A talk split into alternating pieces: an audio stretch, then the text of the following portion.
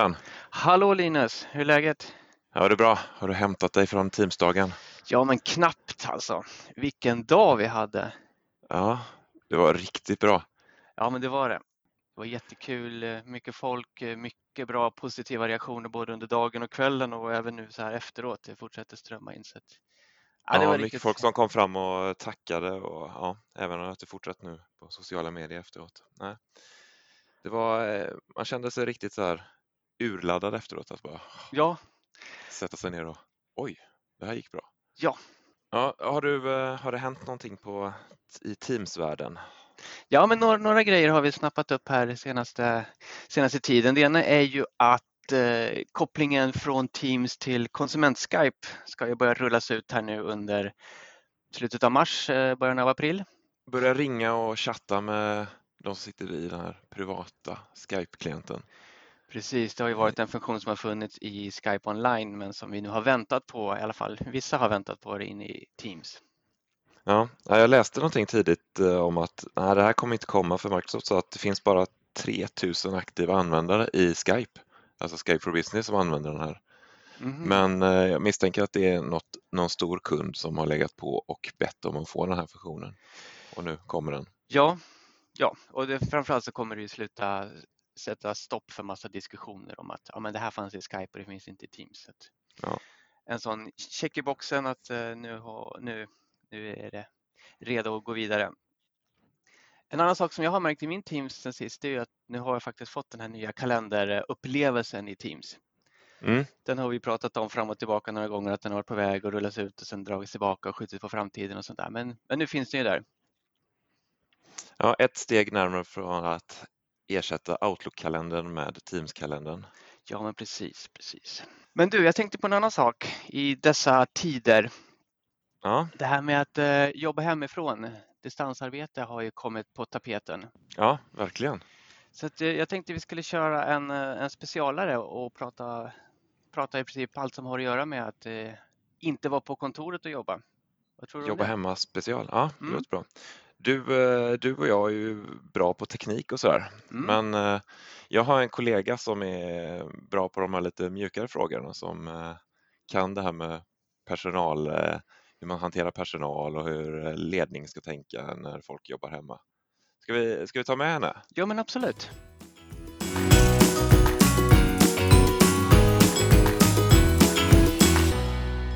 Då säger vi välkommen till min kollega Pia Stider. Tack så mycket och tack för att jag får vara med i det här ytterst relevanta avsnittet. Ja, tack att du är med. Det är mm. roligt att ha med någon som eh, kan lite andra eh, aspekter än vad vi har koll på. Ja, precis, för vi är ju ganska bra på att jobba hemifrån. Men du som pappaledig, du är ju hemma hela tiden och kanske jobbar lite mer än vad du skulle eller borde. Ja. Men jag är, ju, jag är ju baserad på mitt hemmakontor. Det är därifrån jag utgår. Så att eh, jag har ju ganska bra koll på i alla fall hur jag fungerar i en sån organisation där faktiskt alla vi på Cloudway jobbar hemifrån. Det är våra kontor.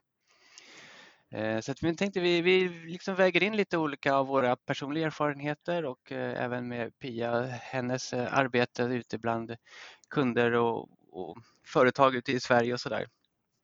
Pia, du, eh, ja, du är ju min kollega på Uclarity, men vill du lite kort berätta om vad du jobbar med? Absolut. Eh, och jag jobbar ju mm, precis som, som ni med eh, kommunikation och samarbete väldigt mycket genom Teams förstås, men egentligen med vilken teknisk lösning som helst. Eh, men jag har inte gjort det hela tiden utan för tre och ett halvt år sedan så bytte jag till den här branschen från HR. Så jag har ju min bakgrund inom HR och, och har jobbat länge med eh, frågor som ledarskap, medarbetarskap, organisation, arbetsmiljö och hälsa har jag jobbat väldigt mycket med. Eh, och egentligen så är det ju faktiskt det som jag jobbar med även idag. Så i förändringsledning i den digitala transformationen så är det ju mycket HR-frågor och inte minst eh, kompetensfrågor, hur man, hur man ska lära sig eh, att, att jobba på de här nya sätten. Men också mycket, mycket kring eh, ett nytt slags ledarskap. Så, så vem vet Mårten och Linus, ni kanske också kommer lära er någonting nytt idag? Ja men det är jag helt övertygad om, absolut. För ja. ja men liksom, man har ju kört på så här hemma och liksom, man tycker väl att det funkar bra så där. Men det är inte säkert att det funkar lika bra för alla. Bara för att vi liksom är snabba och sådär att ta till oss ny teknik och nya arbetssätt. Det ju, finns ju ingen garanti för att det liksom, bara för att man säger att man ska jobba hemifrån så kommer folk att jobba hemifrån och sen är alla nöjda och glada med det. Liksom. Det finns många fällor att, att kliva i så att vi ska gå igenom några olika utav dem. Det och, och, det är inte bara för de som sitter hemma som jobbar som det kan vara något nytt utan det är även för de som leder de som jobbar hemma som det är något nytt. Att man måste komma över den tröskeln och ha sin personal på ett annat ställe. Mm. Chefen kanske också eh, befinner sig på distans idag utifrån ja. de förutsättningarna med covid-19. Mm. mm. Ja, vi har kommit in i en situation här då att många har blivit tvingade att jobba hemma. Fler och fler företag stänger ner och skickar hem personalen så nu får ni sitta hemma och jobba istället. Så eh, Tidigare har det varit en del som har frivilligt tagit det beslutet att sitta hemma och jobba. Kanske man jobbar hemma någon dag eller i veckan och sen är inne på kontoret. Men nu blir det ju många som får hemma på heltid. Mm. Och ni som lyssnar på Teams-podden, ni är ju inte främmande för att Teams är ju det här eh, möjliggöraren för samarbete och distansarbete och jobba hemifrån, vad man nu vill kalla det. Men här tänkte vi gå lite kanske lite borta från tekniken och titta lite mera på arbetssätt och, och ledning, led, ledarskap och sånt där. Men jag, jag tänkte ändå, alltså det här med tekniken, det har ju sin plats därför att på något, på något sätt så måste man ju innan man tar steget och säger att det fungerar att jobba på distans så måste man ju också veta att tekniken fungerar. Eh, och där är det ju förstås vad man har för system för att jobba tillsammans även på distans och för att mötas på distans. Men sen är det ju det som ligger bakom. Vad har jag för, för eh, uppkoppling? Hur, hur fungerar den? För för där någonstans tror jag att vi också behöver vara ärliga att överallt hela tiden så är ju inte förutsättningarna optimala. Sen får vi göra det bästa utav situationen förstås när det är som det är nu. Men där tycker jag att man ibland glömmer att eh, säkerställa att det faktiskt fungerar. Och då kan det ju vara till exempel någon som sitter hemma som, har, som kanske inte har den kvaliteten på uppkoppling som egentligen behövs. Eh, och att man då kanske struntar i att ta den diskussionen för att det skulle möjligen kunna vara så att man istället behöver vara uppkopplad och ha bättre förutsättningar via mobildata. Men överhuvudtaget att man pratar om de här förutsättningarna, inte bara skickar hem någon utan också kollar att det faktiskt funkar. Jag vet inte vad ni säger om det. Jo men absolut, vi är ju kanske lite bortskämda i Sverige för Sverige är ju ett av världens mest bredbandsutbyggda länder. Eh, men mm. det är ingen garanti för att alla verkligen har det, har de mm. förutsättningarna och möjligheterna. Så det är det första, kolla mm. att det funkar och där är det ju också som, som vi sitter just nu, vi sitter ju på varsitt håll eh, och vi har alla eh, goda förutsättningar, vi sitter också med bra headset. Det är ju också en sån här sak som vi brukar prata om med de tekniska förutsättningarna. Att om man sitter med ett eh, dåligt mobiltelefonheadset eller om man sitter och pratar rakt in i datorn så blir det i längden så blir det väldigt jobbigt att samarbeta, för det är ju det vi ska försöka fortsätta göra även fast vi är på olika platser. Men att man ser till att man har så bra förutsättningar som möjligt. Återigen, givet liksom den här krissituationen vi är i så, så kanske man får stå ut lite grann. Men jag brukar trycka på ett, ett bra headset. Om man jämför med att, att göra en tjänsteresa så har man ju tjänat in det där headsetet på liksom första första delen utav resan bara. Så det är definitivt mm. värt att göra en sån investering. Ja, för de här korta samtalen så fungerar ju ett enklare headset ganska bra, men ska du sitta i möte eh, några timmar och det kan ju bli ganska många timmar om man ska jobba hemma i en, två, tre veckor här framöver. Mm. Så då är det bra att satsa på något sånt. Och det där jackar ju också in i, jag vet inte om jag hade tänkt att komma in på det lite senare, men någonstans här när vi liksom jobbar hemifrån så kommer ju det att kanske kollidera med vårt andra liv som är mångas familjeliv hemma. Så att någonstans här kommer de att mötas och med ett dåligt headset som tar upp all ljud runt omkring i ens hus, ja men då hör man ju när det diskuteras nere vid frukostbordet eller när någon tonåring smäller i dörren för att den är, är sur av någon anledning. Och det här är också en, en jätteviktig del att vårt arbetsliv hemma då måste kunna samexistera med vårt familjeliv. Vad har ni mm. för erfarenheter där? Jag själv är bortskämd med ett stort hus, men det är ju inte alla som har det. Och då skulle jag, jag skulle faktiskt vilja lyfta in med en gång en annan aspekt av det också från andra hållet, nämligen eh, säkerhet och sekretess. Därför att oavsett om jag nu är hemma och har andra personer hemma eller för den delen om jag sitter någon annanstans eh, och jobbar. För eh, när, alla, när vi är förbi den här krisen så kanske folk också kommer sitta som vanligt på kaféer eller på resa eller vad det nu är för någonting. Men det är ju hur vi hanterar eh, säkerhet och sekretess. Så det är också någonting som är, som är jätteviktigt. Och vi måste ju säkerställa det och där är det också viktigt att ha en dialog chef-medarbetare kring de frågorna. Och det är ju så olika vad vi jobbar med men det finns ju många som jobbar med känsliga uppgifter, inte minst individuppgifter där man jobbar med handläggning inom eller inom sjukvården eller någonting sånt. Och där är ju extremt viktigt nu att vi fortsätter att hålla en, en hög nivå på säkerhet och sekretess så att det inte hamnar, ingen information hamnar knasigt. Mm. Ja. Jag har ju också den fördelen att ha ett stort hus med separat kontorsdel så det är ganska enkelt att smita bort från familjen. Men här kan vi också komma i situationer att om man som i Norge och Danmark börjar stänga skolor att då tvingas ju barn vara hemma tillsammans med föräldrar som ska vara hemma och ta hand om de här och kanske samtidigt behöva jobba. Så där kommer också en ny aspekt för arbetsgivaren. Hur ska man hantera det? Mm. Och, och, då kommer man tillbaka till den här ärliga dialogen. För det, det, om vi har sjuka barn, så om vi har sjuka och i synnerhet små barn, eh, då kan det ju vara så under en, en, dag att de här barnen sover väldigt mycket och då kanske det går alldeles utmärkt att istället för att, att eh, ha tillfällig föräldrapenning att jag faktiskt fortsätter att jobba. Där måste man ju liksom ha rätt ersättning bara så att det inte blir något knas på, med ersättningsfrågan och bedrägerier och sånt. eh, så att man har ordning på det. Men eh, nu om man har friska barn hemma, ja, men då tror jag att vi måste vara väldigt noggranna med eh, jobbar vi eller tar vi hand om barnen? Eh, för att om du har friska barn hemma som är i den åldern att de behöver underhåll, ja då skulle jag vilja påstå att då, då kan du ju inte jobba eller du kan kanske bara jobba en del utav dagen. Eh, så så här, det kommer behöva till väldigt många tydliga dialoger kring vad är det jag gör, gör, för någonting, vad kan jag göra? Och då vet vi ju, många utav oss, ja men under en kort period så kanske man kan lösa saker att man både tar hand om barnen och sen kanske man jobbar lite på kvällen. Men i längden, om vi ska ha den här situationen under, över en lång period, nej men då behöver vi vår återhämtning. Då kan vi ju inte dubbeljobba. Så det är också en sån här sak som, som vi behöver vara tydliga med.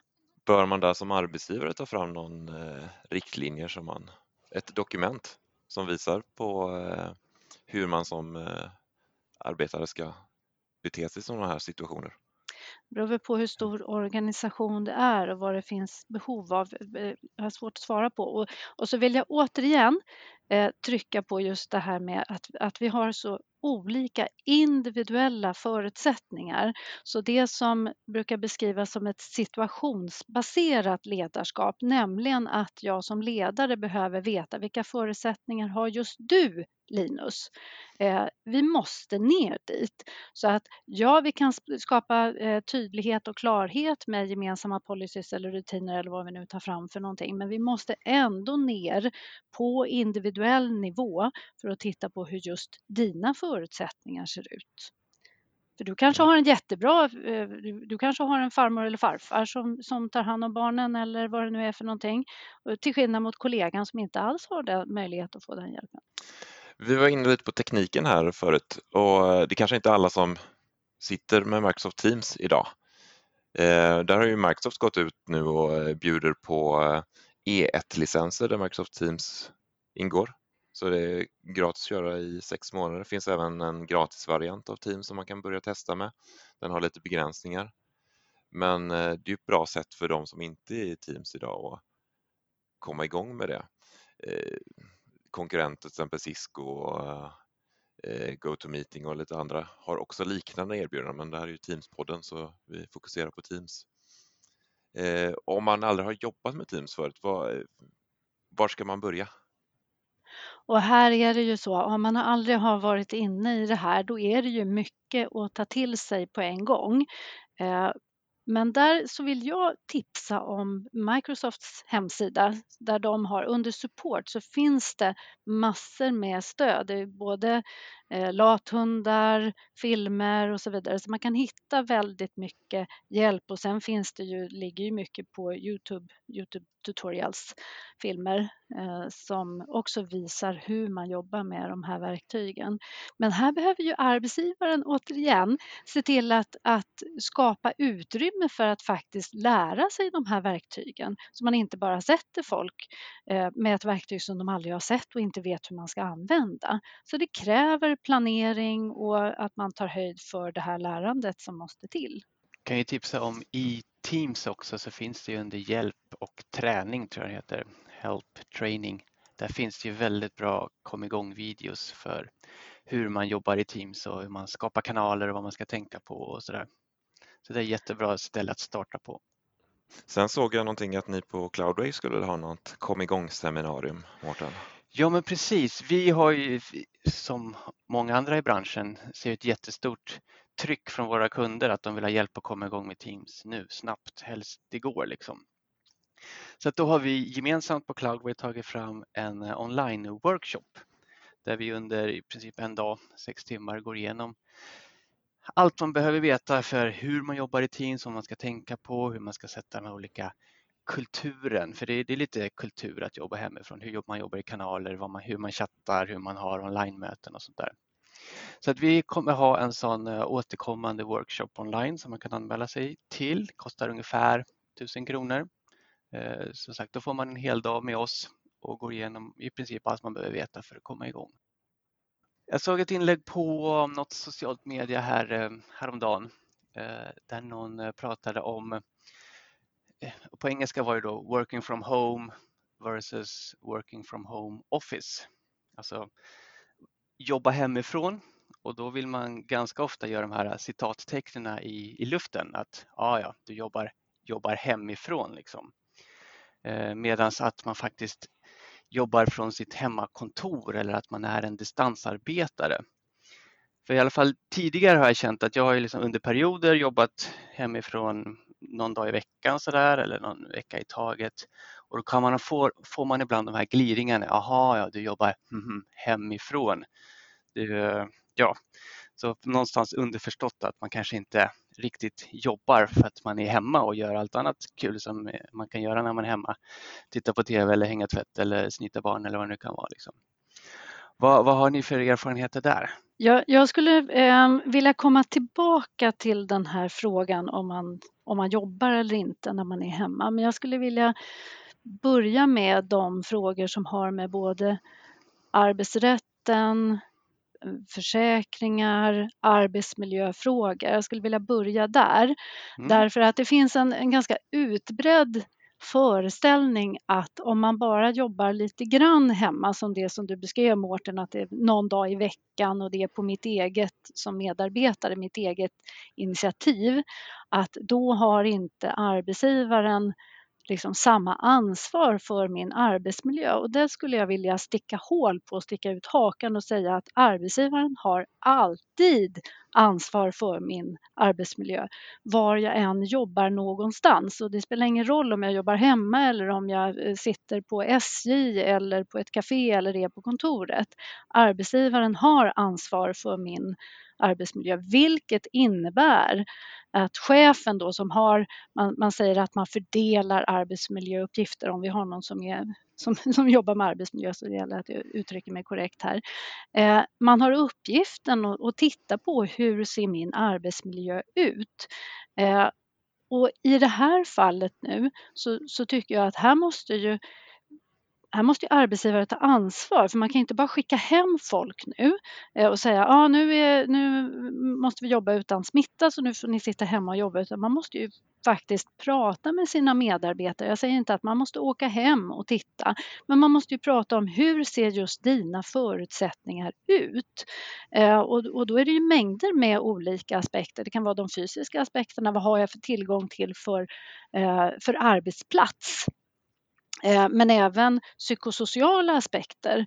Om jag är en person som eh, mår väldigt dåligt av att, att sitta ensam och jobba till exempel så är ju det också en del som arbetsgivaren faktiskt behöver titta på. Okej, okay, hur ska vi då lösa de aspekterna?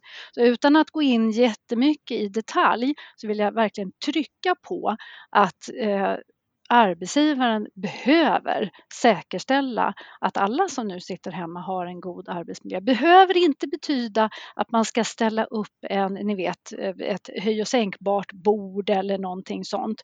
Eh, och då är det på plats med ett litet tips där att jag tror att de allra flesta har ett alldeles utmärkt höj och sänkbart bord hemma. Eh, och det är det som står bredvid mig här i rummet, nämligen eh, en strykbräda alldeles ja. Ypperligt verktyg för, som, som provisoriskt höj och sänkbart bord för, för just få till den här variationen i arbetsställning. Så jag brukar säga det är ingen, ingen som helst fara att ligga i soffan och jobba, men inte hela dagen. Ja, och så det här är ju sådana eh, saker som man kan lite om. samtidigt som man jobbar? ja, jag kanske inte är jättebra för datorn då att ha den varma brädan. Men, men alltså, så det går ju absolut att få till bra miljöer men arbetsgivaren måste säkerställa att det här fungerar. Eh, sen har vi en, en, annan del som jag inte egentligen vill gå in jättemycket på men där jag vill uppmana att man, att man faktiskt tar det på allvar och det är ju vilka försäkringar som gäller. Eh, för här är, alltså jag brukar säga att både arbetsmiljöreglerna och eh, försäkringarna som, som finns på arbetsmarknaden de är lite som olja i vatten eh, kring det nya arbetslivet. Så, så här är eh, här kan det vara värt att titta lite extra på vad är det faktiskt som gäller utan att gå in närmare på det. Eh, men sen den här andra frågan som du var inne på, Mårten. Jobbar man verkligen när man är på distans? Mm. Mm, men de här citattänk, och jobbar hemma, mm. haha. Eh, där finns det, börjar komma eh, studier, inte bara från Sverige utan, utan utifrån världen som visar på det som jag tycker mig ha sett hela tiden, nämligen att man faktiskt eh, i, i det stora hela så är ju folk mer effektiva på distans. Eh, och det tror jag har att göra med att man slipper väldigt många av de störningarna man får i den vanliga kontorsmiljön. Om vi tänker oss nu att det är mest kontorsarbetare som har möjligheten att, att jobba hemifrån, om det är det vi pratar om mest. Då. Mm, mm. Eh, så, och där så skulle jag vilja sticka ut hakan och säga att det stora problemet när det gäller att jobba på distans och att jobba hemifrån, det är ju att de allra flesta tenderar att jobba för mycket. Det är det som är problemet. Eh, man jobbar och jobbar och jobbar, man tar inga pauser, man sträcker ut, man slipper resorna till och från jobbet vilket betyder att man kan börja tidigare på dagen och man kan sluta senare. Och, och, man liksom fryser fast. Känner ni igen det? När man sitter Absolut. på distans, man har ingen som, som drar en ur det här flowet som man kan komma in i när man sitter och jobbar och liksom gå ner på djupet utan att bli störd. Man har ingen mm. som rycker upp en ur det och man har varit du duktig att stänga av eh, störningarna som kommer från mobiltelefonen och, och från datorn och systemen. Eh, då kan man frysa fast och man sitter timme ut och timme in, man sitter kvar i precis samma arbetsställning och mm. jobbar och jobbar och jobbar. Jajamensan. Eh, så får man varken pauser eller då tillräcklig återhämtning. Man kanske eh, till och med sätter sig i sängen och jobbar så att sömnmiljön blir påverkad och så vidare. Det är det stora problemet. Sen mm. finns det personer som har svårt med själv, både självledarskap eh, och, och, svårt med motivation. Men då, då, skulle jag vilja påstå snarare att om man har problem med att folk inte jobbar, ja men då har man ju det på arbetsplatsen också. Då har man ett engagemangsproblem, då har man ett motivationsproblem många gånger. Mm. Så, så då är det ju en helt annan typ av problem vi, vi pratar om. Men för de allra flesta så jobbar man för mycket. Mm. Jag, jag, känner verkligen igen det. Det är ofta så här när, när du jobbar hemma att du kanske går upp lite tidigare, sätter igång tidigt och så håller man på länge och sen har man gjort 8-10 timmar i sträck ja. och nästan bara hållit sig i kontor. Jag brukar försöka när jag är hemma att lägga in att jag ska gå ut på lunchen.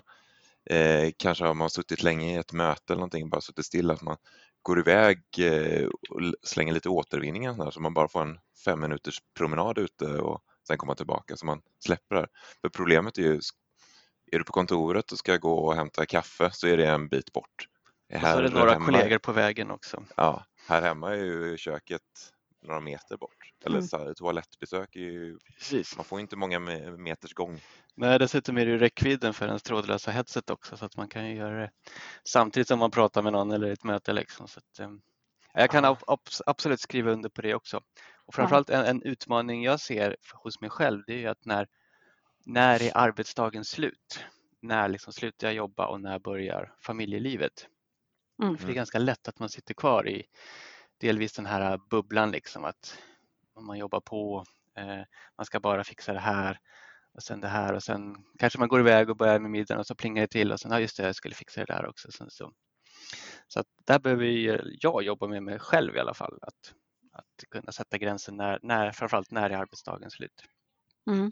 Och här, här eh, kan det vara till hjälp eh, när man för den här dialogen, både mellan chef och medarbetare men också i arbetsgruppen, att känna till att vi har lite olika strategier att förhålla oss till det här. Vi brukar ju prata om det som det gränslösa arbetslivet.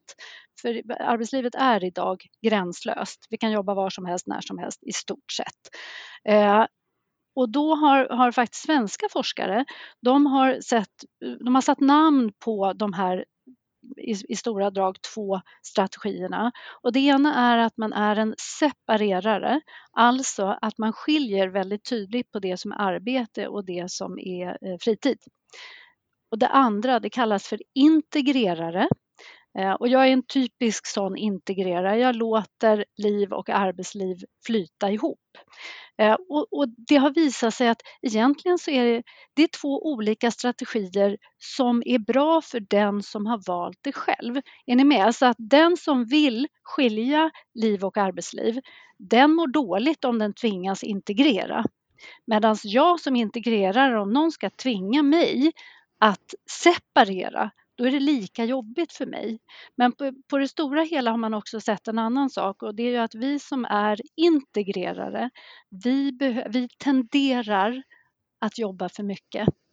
Så att det finns större risk för oss att vi faktiskt inte får den återhämtning som vi behöver. Och där tror jag, dels behöver man förstå de här olika preferenserna, både chef och medarbetare, för chefen kanske har en föreställning om att separera det är, liksom, det, det är så det ska vara, för det är ju så det har varit traditionellt. Men det behöver inte betyda att det är bra för mig. Är ni med? Och i arbetsgruppen så kan det vara väldigt svårt att förstå varandra. Vad kommer sig att hon sitter och jobbar på kvällen? Eh, hon kanske är sönderstressad. Nej, det kanske hon inte alls är för att hon har valt det själv. Är ni med? Så att man liksom sätter ord på för att kunna eh, få det här att lira tillsammans. Men för mig som då är integrerare så behöver jag vara noggrannare med att säkerställa min återhämtning. För vi, vi vet ju att det är många som är stressade och överarbetade eh, och så vet vi det här nu med att frysa fast, man jobbar för mycket och alltihopa. Det är, det är en relevant eh, risk. Men det är ju inte arbetet som är problemet utan det är återhämtningen som är problemet. Så man måste säkerställa att man får sin återhämtning och det handlar ju förstås både om eh, social tid med familjen men att man får sin sömn, att man får sina pauser och så vidare. Ehm, och där blir det ju också viktigt att chefen faktiskt pratar med sin medarbetare om de här frågorna. Så att man inte helt plötsligt har någon som, som faktiskt har tagit skada för då är ju arbetsgivaren som inte har, har jobbat med de här arbetsmiljöförutsättningarna eh, en del av problemet. Det där är jätteintressant. Jag har inte sett det på det sättet tidigare men här lärde jag mig verkligen någonting. och just kollisionen som blir mellan de här grupperna. Ja, och om man sätter ord på det och förstår vad det är som händer och förstår att man kan ha ett annat förhållningssätt, en annan strategi än vad jag själv har, ja men då blir det mm. mycket lättare att få ihop det. För att om det nu är så att jag har ett arbete som tillåter att jag föredrar till exempel att jobba på kvällen och jag har min återhämtning på dagen och du föredrar att jobba på dagen och har liksom den avgränsningen, ja men när ska vi då mötas, när ska vi samarbeta? Det där måste vi få ihop. Mm, mm. Så, så den tycker jag är hjälpsam. Men hur gör man nu som chef eller ledare då om man har personal som sitter hemma och ska jobba? Hur vet man då att de inte sitter med Netflix och eh, följer favoritserien? Att lita på varandra och jag, jag vill slå ett slag för en, en kombination utav ett tillitsbaserat ledarskap där man faktiskt eh, litar på att medarbetarna vill göra sitt jobb eh, och tar ansvar. Och sen det ansvarstagande medarbetarskapet. Så, eh, och en öppenhet, en, en god dialog där jag som medarbetare, om jag vet med mig att jag har svårt för självledarskap, att jag tappar fokus när jag eh, ser dammråttorna flyga runt där hemma och springer runt och hämtar dammsugaren eller vad jag nu gör för någonting. Eh, ja, men då, då, behöver man ju prata om ja, men hur, hur ska vi då lösa det i den här situationen? För det är inget konstigt. Det här är, det, alltså det är inget skämmigt att jag har svårt med självledarskap. Många har det. Eh, och då kan man behöva hantera arbetet. Då kanske chefen behöver lägga extra energi på att ha avstämningar eh, under dagen eller under veckan eller vad det nu är för som, som behövs. Eh, Medan för någon annan så fungerar det här alldeles utmärkt. Inga konstigheter. Och ingen större skillnad mot hur det är på kontoret. För om man har svårt att leda sig själv på kontoret eh, eller hemma, då har man det sannolikt på på kontoret också. För några år sedan var det ju på tapeten med här att man skulle ha liksom någon form av öppen eh, videokanal. Att man liksom någonstans ett pågående videomöte där man kunde hoppa in och hoppa ut och få lite social engagemang och social kontakt med sina kollegor. Är det någonting som ni ser ute eller som något som ni använder er av? Nej, jag har sett det tidigare kunder som haft det som eh, där IT-avdelningen har suttit på lite olika platser och haft en öppen kanal emellan för att connecta så här. Mm. Sen vet jag inte om det skulle fungera det här att ha en öppen kanal där du är inne hela tiden. Jag tror att det kanske blir för mycket distraktion. Men eh, däremot så eh, såg jag någon som tipsade om att man nu när man börjar jobba hemma att man kanske alltid ska ha ett avstämningsmöte inom gruppen varje morgon. Mm. med, är du van vid att komma in på kontoret och eh, snacka lite med de som sitter bredvid dig så kanske du ska ha något liknande fast i ett Teamsmöte. Och sen eh, såg jag även någon som tipsade om att de hade bokat in kafferast tillsammans. De hade mm. ett Teamsmöte där de eh, hade kaffe, drack kaffe och surrade lite. Mm. Mm. Så det kan vara Sen man kan ju testa att ha en öppen kanal där du bara hoppar in och hoppar ut. Det är ju ganska enkelt. Antingen flyger det eller så funkar det inte alls. Mm, mm. Jag tror just när det gäller det här att ha en öppen kanal så tror jag att det, är få som kanske har det direkta behovet. Men just nu så vet jag, jag pratade med en person bara häromdagen som satt i en sån här krisgrupp. Ehm, och, och, det är ju ett typiskt sådant sammanhang. Om det nu går så långt så att man faktiskt inte kan, kan sitta i den här krisgruppen, för de satt just nu eh, tillsammans i ett rum på arbetsplatsen. Men, men av smittskäl här nu så kan det ju vara så att man kanske till och med i ett sådant sammanhang behöver befinna sig på olika platser för att inte krisgruppen ska eh, också bli smittad, är ni med? Och då kan det ju vara ett typiskt tillfälle där man faktiskt har en pågående dialog eller om man har ett, ett väldigt intensivt projekt eller någonting. Men jag tror att i de flesta fall så är det lite overkill som du var inne på Linus. Men det är väl ett typiskt sådant sammanhang.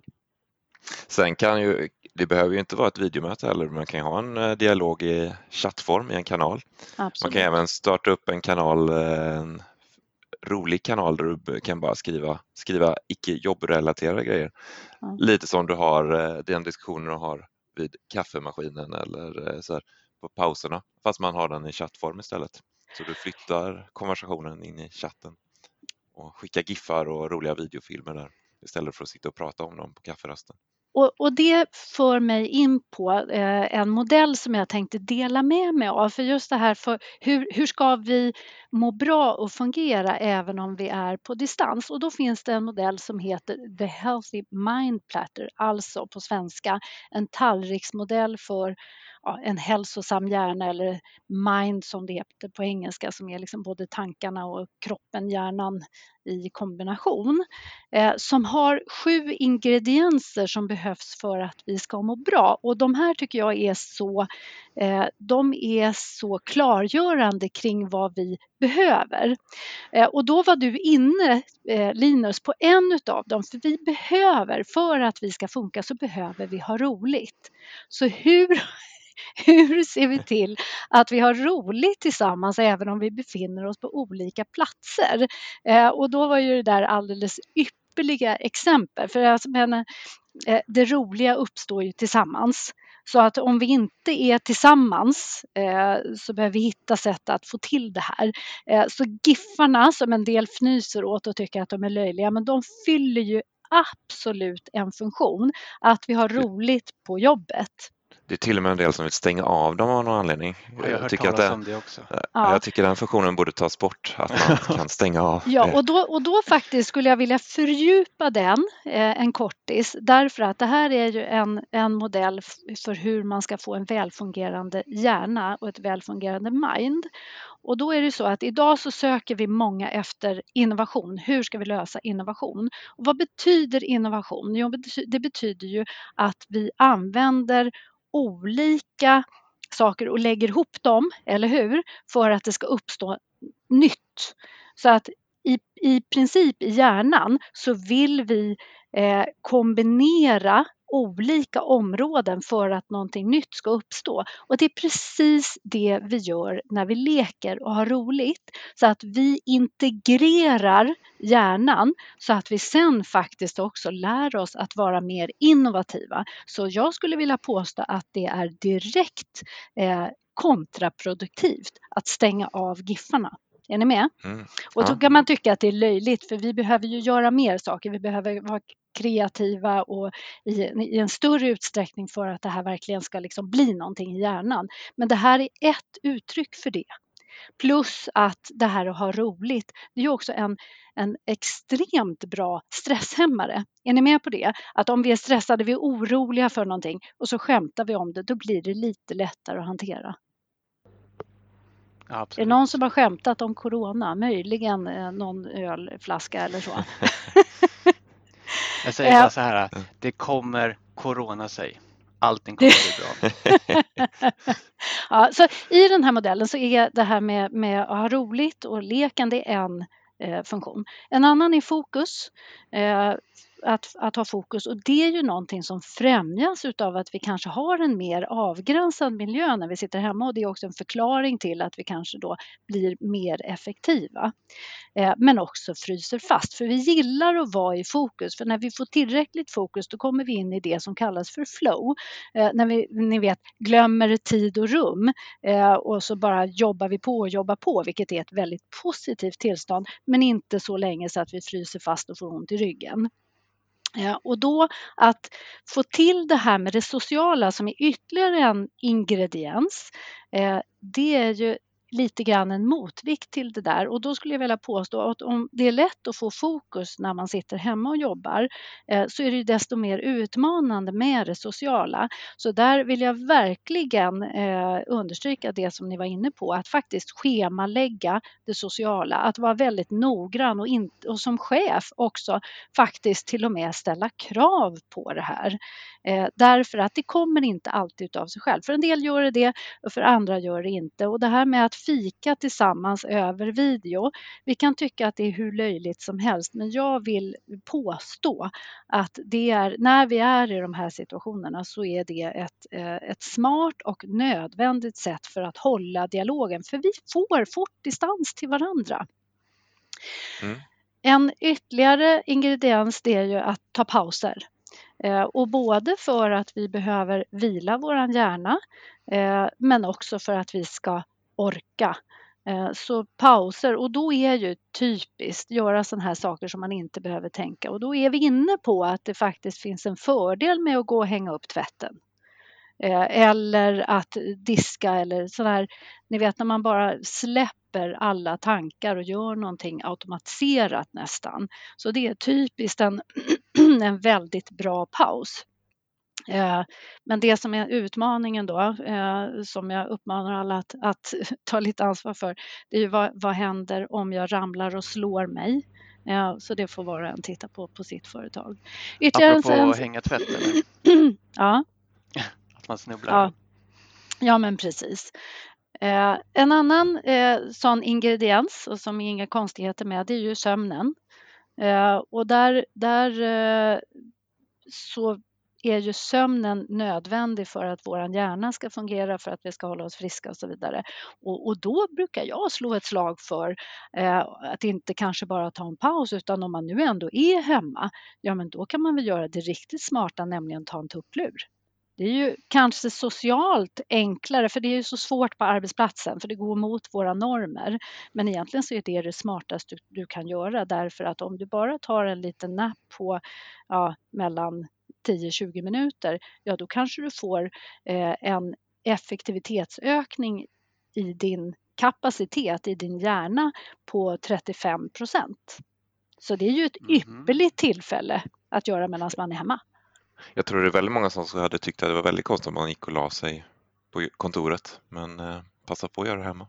Ja. Så kanske man kan ta med sig den rutinen sen när man kommer till Ja, för det är smart. Kontoret. Det är ja. smart att göra det och det här bara jobba, jobba, jobba, jobba, då blir vi inte smarta. Men om vi tar en tupplur så är vi... Sen eh, respekt för om man har problem att sova på natten, då kanske man får göra på andra sätt.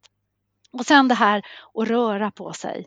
Mm. Eh, och då är ju, vi pratar om eh, strykbrädan som ett provisoriskt höj och sänkbart bord, men överhuvudtaget variation, men också att inte frysa fast utan att fortsätta röra på sig och varför inte eh, passa på att Eh, etablera en ny vana att man går ut och tar en promenad eller en löptur eh, på lunchen.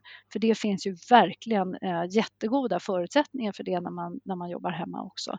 Så det är en sån här sak som eh, den sista ingrediensen i den här eh, tallriksmodellen det är man kallar det för in time eller time in och det handlar om mindfulness eh, och det, jag ska inte fördjupa mig i det men det är också en sån här sak som är otroligt välgörande för eh, våra tänkande och för att kunna vara effektiva, hantera stress och så vidare. Så att lika väl som man går ut och springer så tycker ju jag att man ska eh, träna mindfulness eller gå ut och fiska eller vad man nu gör för någonting. Då.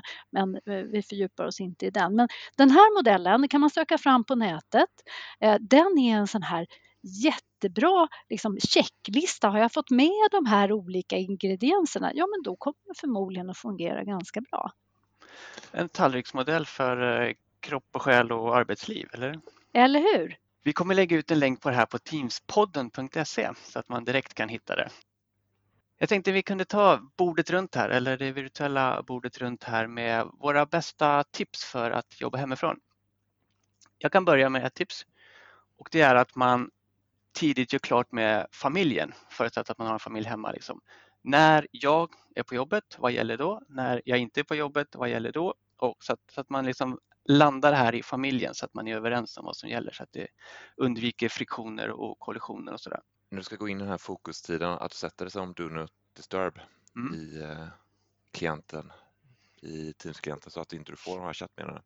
Och sen är även åt andra hållet, att du kanske sna svarar snabbare på chattmeddelanden än någon kollega skickar. Så att du eh, är lite mer alert än vad du kanske normalt sett brukar vara när du sitter på kontoret. För då får man lite mer nära samarbete. Mm. Så åt båda hållen där. Och jag skulle vilja lyfta det här med det situationsbaserade ledarskapet eh, och att ha ett tillitsbaserat ledarskap i kombination med ett ansvarstagande medarbetarskap. Och alltihopa det här, eh, alltså svaret på hur vi får till det, det är ju en en öppen dialog chef-medarbetare så att man pratar om vad, hur ser mina förutsättningar ut? Vilket stöd kan jag ge som chef? Eh, och att det är ärligt och öppet kring förutsättningarna. Eh, den tror jag är superviktig för att det här ska bli rätt och bra.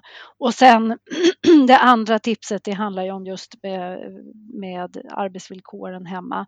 Att man ser till, och det här, och det här är ju liksom min egen skyddshjälm när jag jobbar hemma, att jag ser till att jag inte fryser fast utan att jag varierar eh, min sitt eller ståställning under dagen eh, och, och också att jag ser till att jag får min återhämtning, mina pauser.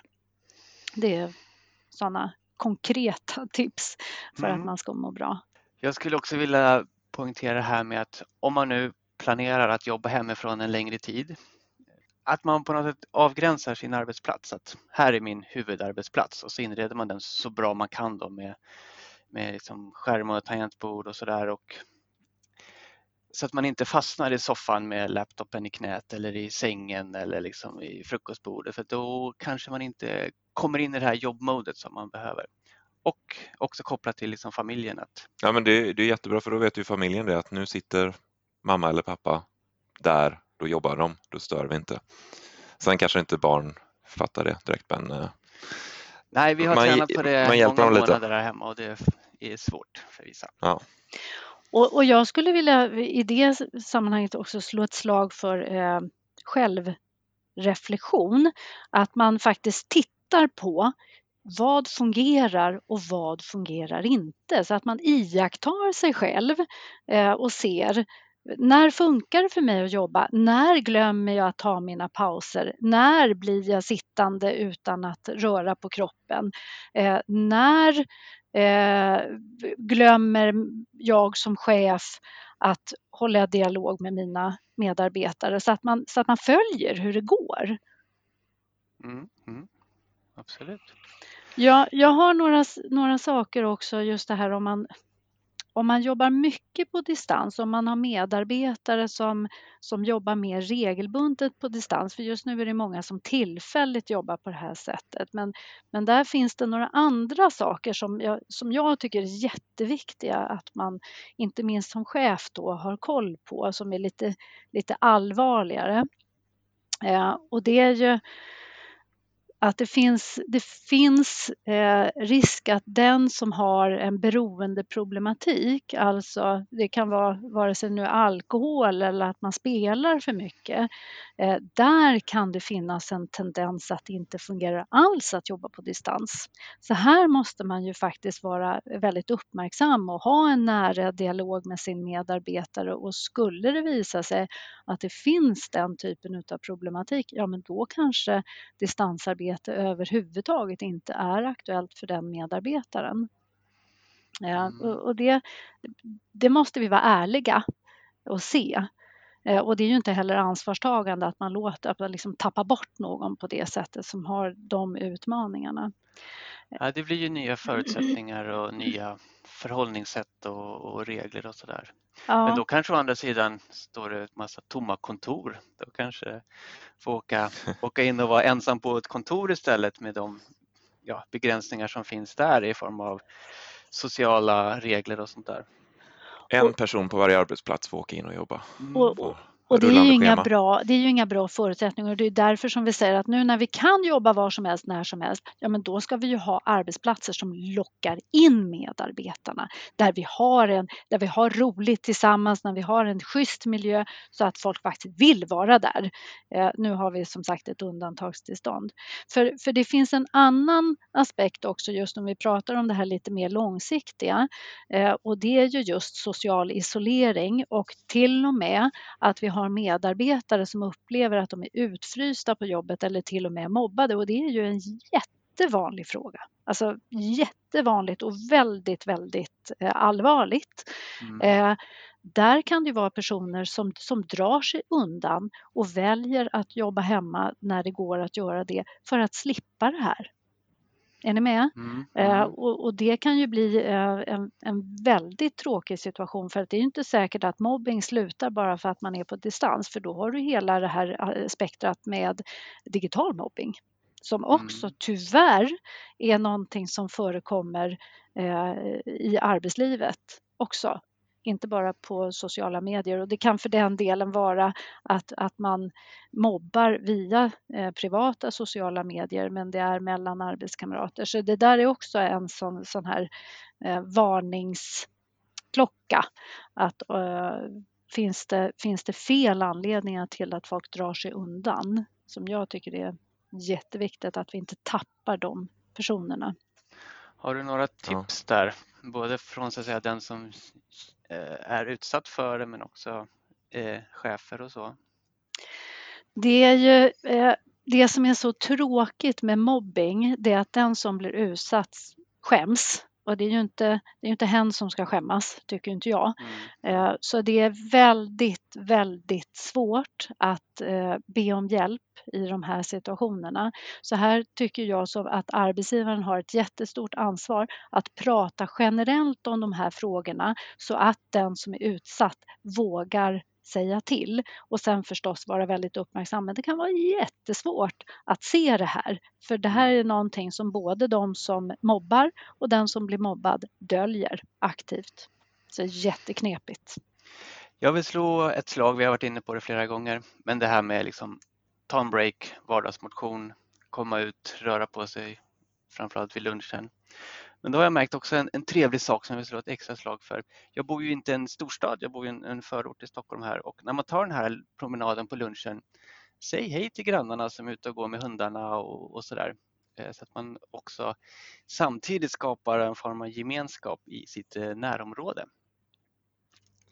Om man nu saknar eh, sociala kontakterna på kontoret men också få igång liksom samhället för att eh, det är ju, samhället är också inblandat i den här coronatiderna som vi är i nu och eh, om alla kan bli lite vänligare och trevligare mot varandra så har vi också vunnit någonting på det här. Det är ofta så att det blir lite mer gemenskap i kriser när det är mm. snöstormar eller folk tvingas hemma av coronasjuka. Och då kommer jag att tänka på det som jag läste i, idag tror jag, som de gör i Italien. Där går de ut på balkongen och ja. sjunger tillsammans. Eh, och på det temat, om man tycker att det inte går att samarbeta digitalt så finns det några helt makalösa exempel på där man sjunger kör tillsammans digitalt. Så jag kan se till Linus eh, och Mårten att ni får en länk till det. För det tycker jag är det så här optimala exemplet på kan man lyckas sjunga kör tillsammans digitalt, ja men då ska vi nog kunna samarbeta också. Oj, ja men det måste vi se. Mm. mm. Så länk kommer. Ja. ja.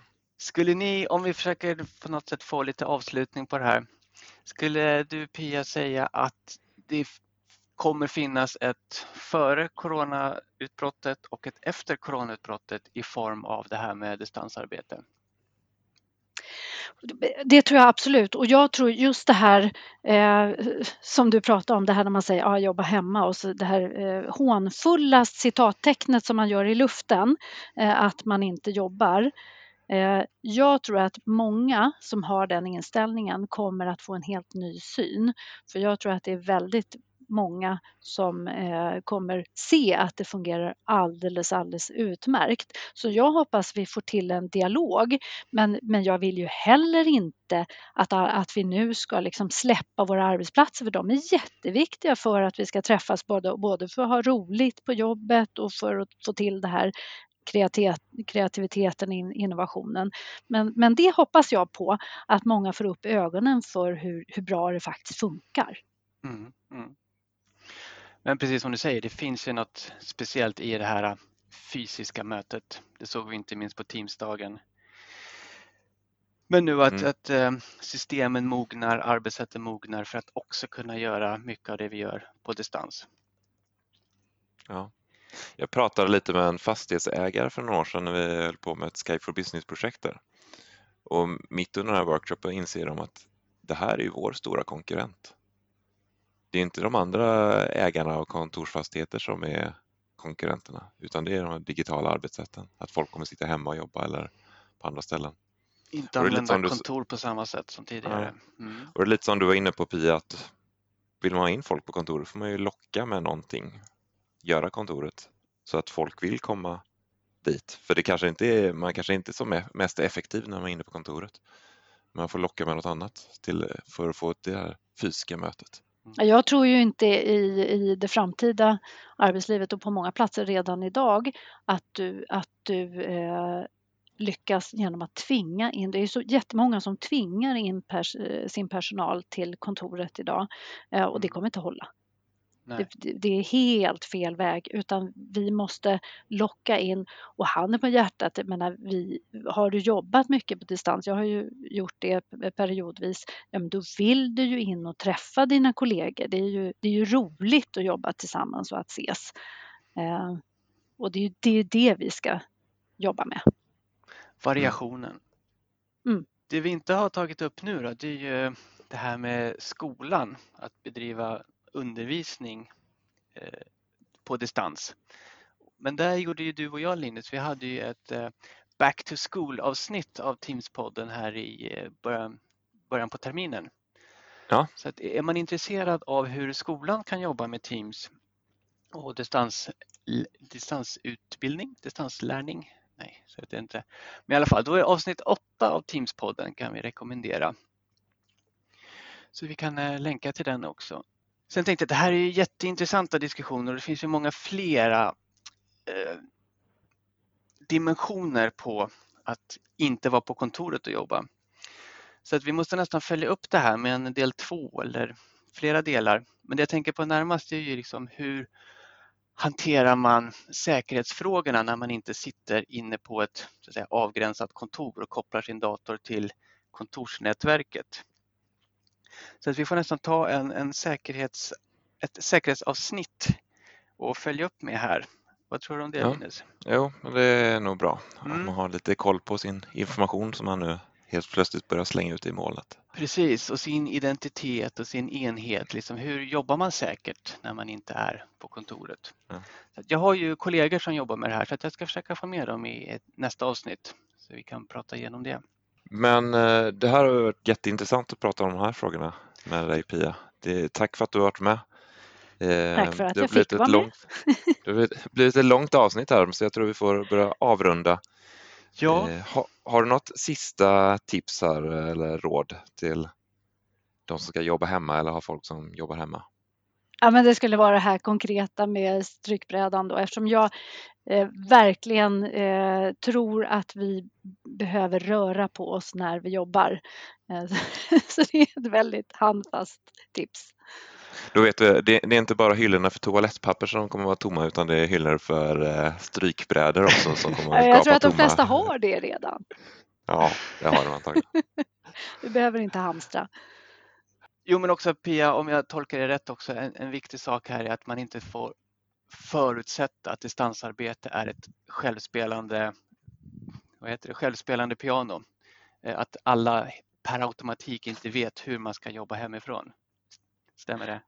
Absolut, eh, och, och, där är ju som sagt både tekniken, kompetensen men överenskommelserna sinsemellan. Det finns mängder med frågor kring det här. Så nu har vi, eh, jag skulle vilja påstå, även om det är ett långt avsnitt så har vi bara skrapat på ytan. Mm, mm. Så det finns ju hur mycket som helst att, att uh, prata om i det här. Uh, och, och det här med att jobba för mycket är ett problem. Det finns medarbetare som inte klarar det här alls också. Det måste vi också våga se. Ja, jätte, jättebra. Eh, sen eh, om jag fick langa in en ytterligare önskning eh, så skulle det ju vara att jobba på distans, inte bara hemifrån utan som jag har provat på nu, nämligen att jobba på distans från andra delar utav världen. För det här är ju också någonting som är fullt möjligt idag. Men jag har färska erfarenheter utav också hur utmanande det kan vara. Eh, både med uppkoppling och med el och förutsättningar. Och det är en annan liten kul vändning på det här. Hur mm, långt ja, kan var, man pusha det? Det var nästan lite deprimerande när jag såg hur brun du var efter att ha jobbat på distans. ja, många stories. Mm. Ja, men jättetack Pia, fantastiskt intressant och eh, lärorikt och som sagt eh, vi har nog bara skrapat på ytan. Men eh, jag hoppas att det var en, bra skrapning så att eh, lyssnarna tyckte det var intressant. Jag tyckte det var väldigt intressant. Och dig Pia når man på sociala medier. Det finns på LinkedIn om man vill söka upp dig, Pia Stider. Och eh, du finns även på Twitter, snabel Pia Stider. Jajamensan. Så, eh, och där finns ju du också Mårten. Jajamensan. På sociala medier. Japp. Och du också Linus? Ja, vi finns alla där och vi följer ju hashtag Teamspodden. Så det är bara att gå in där eller gå in på teamspodden.se och kolla in våra tidigare avsnitt. Och... och där lägger vi också länkarna från det vi har pratat om idag. Men eh, tack för idag och tack alla lyssnare. Tack så mycket och eh, teamsa lugnt. Hej då! Tack, hej!